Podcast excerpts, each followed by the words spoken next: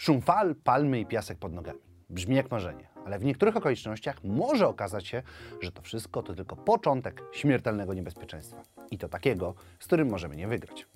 Któregoś dnia decydujecie się na podróż dookoła świata. Wsiadacie na statek, który zabrać ma Was w długi rejs, jednak gdzieś na trasie dochodzi do awarii, a Wy musicie wyskoczyć na burtę, by ratować swe życie. Budzicie się następnego dnia na plaży wyspy, która okazuje się być bezludna. Jak długo będziecie w stanie przetrwać?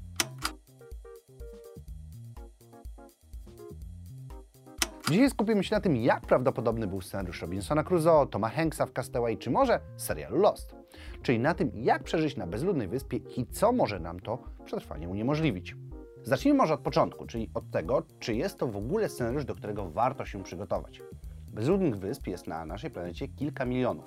Jednak wiele z nich znajduje się w dość bliskiej odległości od lądu. No, sama Szwecja ma ich około 220 tysięcy w granicach swoich wód morskich. Z jednej strony powoduje to, że prawdopodobieństwo znalezienia się na jednej rośnie, z drugiej jednak niebezpieczeństwo spada.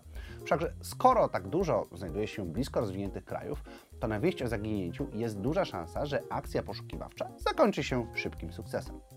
Jest też inna rzecz, która płynie z tak dużej ilości bezludnych wysp.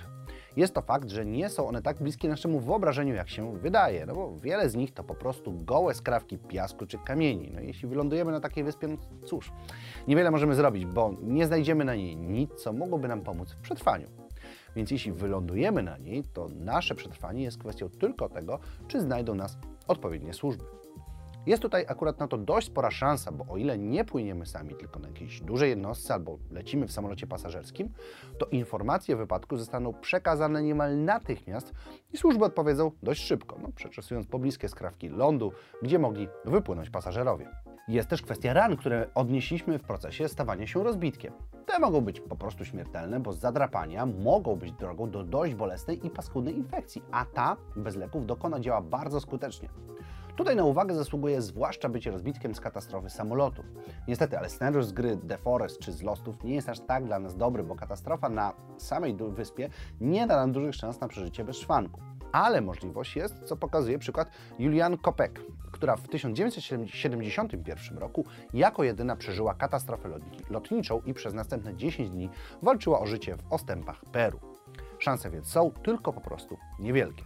No ale przypuśćmy, że lądujemy na wyspie bez ran. Ta jest za to dość stereotypowa, z palmami, skałkami, źródełkiem słodkiej wody, a pomoc nie wie, gdzie zacząć nasze poszukiwania. To wyzwanie, które wydaje się być ciężkie, jednak nie jest tak, że w tej sytuacji nie znalazły się prawdziwe osoby. Thomas Margrave i jego załoga przez rok, bo od 1864 roku do 1865 roku była w stanie przetrwać na bezludnej wyspie do czasu, aż nie odratowali części statku, która umożliwiła im odpłynięcie a w 1965 roku grupa nastolatków na 15 miesięcy utknęła na pacyficznej wyspie Ata i wszyscy oni ocaleli, więc nie jest to zadanie niemożliwe. Co będzie naszym największym wrogiem? Cóż, wszystko po trochu. Przede wszystkim byłaby to woda, która jednak może być zapełniona źródełkiem, którego mamy w założeniu naszego scenariusza. Jeśli jednak okazałoby się, że źródełka nie ma, musielibyśmy liczyć na deszcz albo zbierać wilgoć, która osiadła na roślinach. Metod jest wiele i nawet małe ilości wody są w stanie pomóc naszemu organizmowi. W ostateczności, jeśli zapolujemy na zwierzęta, to krew może być pewnego rodzaju substytutem. Jednak na dłuższą metę jest to słabe rozwiązanie, bo bez wody umrzemy gdzieś w 3-4 dni, więc musi to być jeden z naszych priorytetów. Do tego jest jeszcze schronienie. Bez niego narażamy się nie tylko na warunki atmosferyczne, czyli gorąc, który może zabić nas dość szybko, o czym zresztą mówiłem w jednym z odcinków na kanale, który znajdziecie o tutaj, ale też zwierzęta, które żyją na wyspie. Jakie to mogą być zwierzęta? No, trudno powiedzieć, bo to zależeć będzie od położenia wyspy, a także od tego, czy przez przypadek nie odkryjecie czegoś nowego, co zaszyło się na bezludnym skrawku ziemi i żyje niepokojone przez nikogo. Na pewno jednak komplikuje to zdobywanie pożywienia. No bo jeszcze mniejszy problem będzie z drapieżnikami, które mogą się nas po prostu bać, ale jednak część zwierząt, które wydają się być łatwym celem, może być trująca. Tutaj trudno umieścić jakikolwiek czas, w jakim musimy sobie z tym poradzić, bo jak wspomniałem, wszystko jest zależne od losu. No i naszego szczęścia, bo zbłąkany drapieżny kot może trafić na nas jeszcze w pierwszych minutach na wyspie. Mówiłem o gorącu, bo to temat najbardziej skomplikowany. Naszym przeciwnikiem będzie pogoda, bo deszcz stworzy ryzyko podtopienia, wyziębienia i zaszkodzi naszym próbom zdobycia czegokolwiek, zmniejszając widoczność i wychładzając nasz organizm z każdą sekundą. Ale i słońce będzie żarem powodowało, że zbliżymy się chociażby do udaru. Dlatego naszym celem, kiedy dotrzemy na wyspę, będzie zabezpieczenie się. No, czapka to oczywiste rozwiązanie, ale zawsze możemy posłużyć się koszulką, liśmi czy czymkolwiek, co prowizorycznie zasłoni naszą głowę przed słońcem. No, dalsza część to schronienie.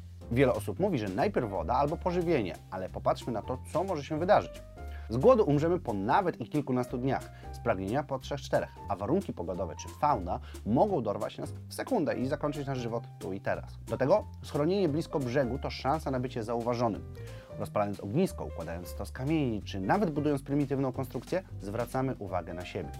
Bo to jest właśnie naszym celem bycie uratowanym.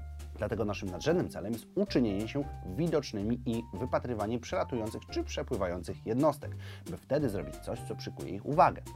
Możemy na przykład dorzucić coś do ognia, jeśli uda się go rozpalić, aby dym był gęstszy, albo wykorzystać szkiełka czy lusterka, by nadać sygnał SOS. Jeśli będziemy zmuszeni, by przetrwać na wyspie przez kilkanaście dni, to zmuszeni będziemy szukać jedzenia. No i w zależności od miejsca, gdzie będziemy, będzie ono jednak różne. Dlatego najłatwiej będzie oprzeć się o dietę rybną, bo stojąc blisko brzegu, nieruchomo, z zaostrzonym kijem, możemy próbować złapać jakąś rybę. No jeśli znajdziemy gatunki, których jesteśmy pewni, możemy też zapolować na nie. Wcześniej wspomniany Thomas Margrave i jego załoga znaleźli foki, których młode zabijali i jedli. No i tutaj też oczywiście porada, jako że zwierzęta mogą być rzadkością, należy zjadać je w całości, z większością organów i krwi. Czemu jednak nie wspominam o roślinach? No, głównie dlatego, że nie ma żadnej pewności, co rośnie na wyspie i jeśli faktycznie teren jest odseparowany fauną, może różnić się kompletnie od tego, co znamy i zapewnić nam różne mało ciekawe przeżycia. Z zatruciem jako jednym z najgroźniejszych. No metod na przeżycie jest na dobrą sprawę setki i jeśli chcecie dowiedzieć się o nich więcej, to znajdziecie te informacje w źródłach, ale też w materiałach wielu survivalowców, ale też i chociażby kanałów, takie Primitive Technology czy Bushcraftowy z Polski.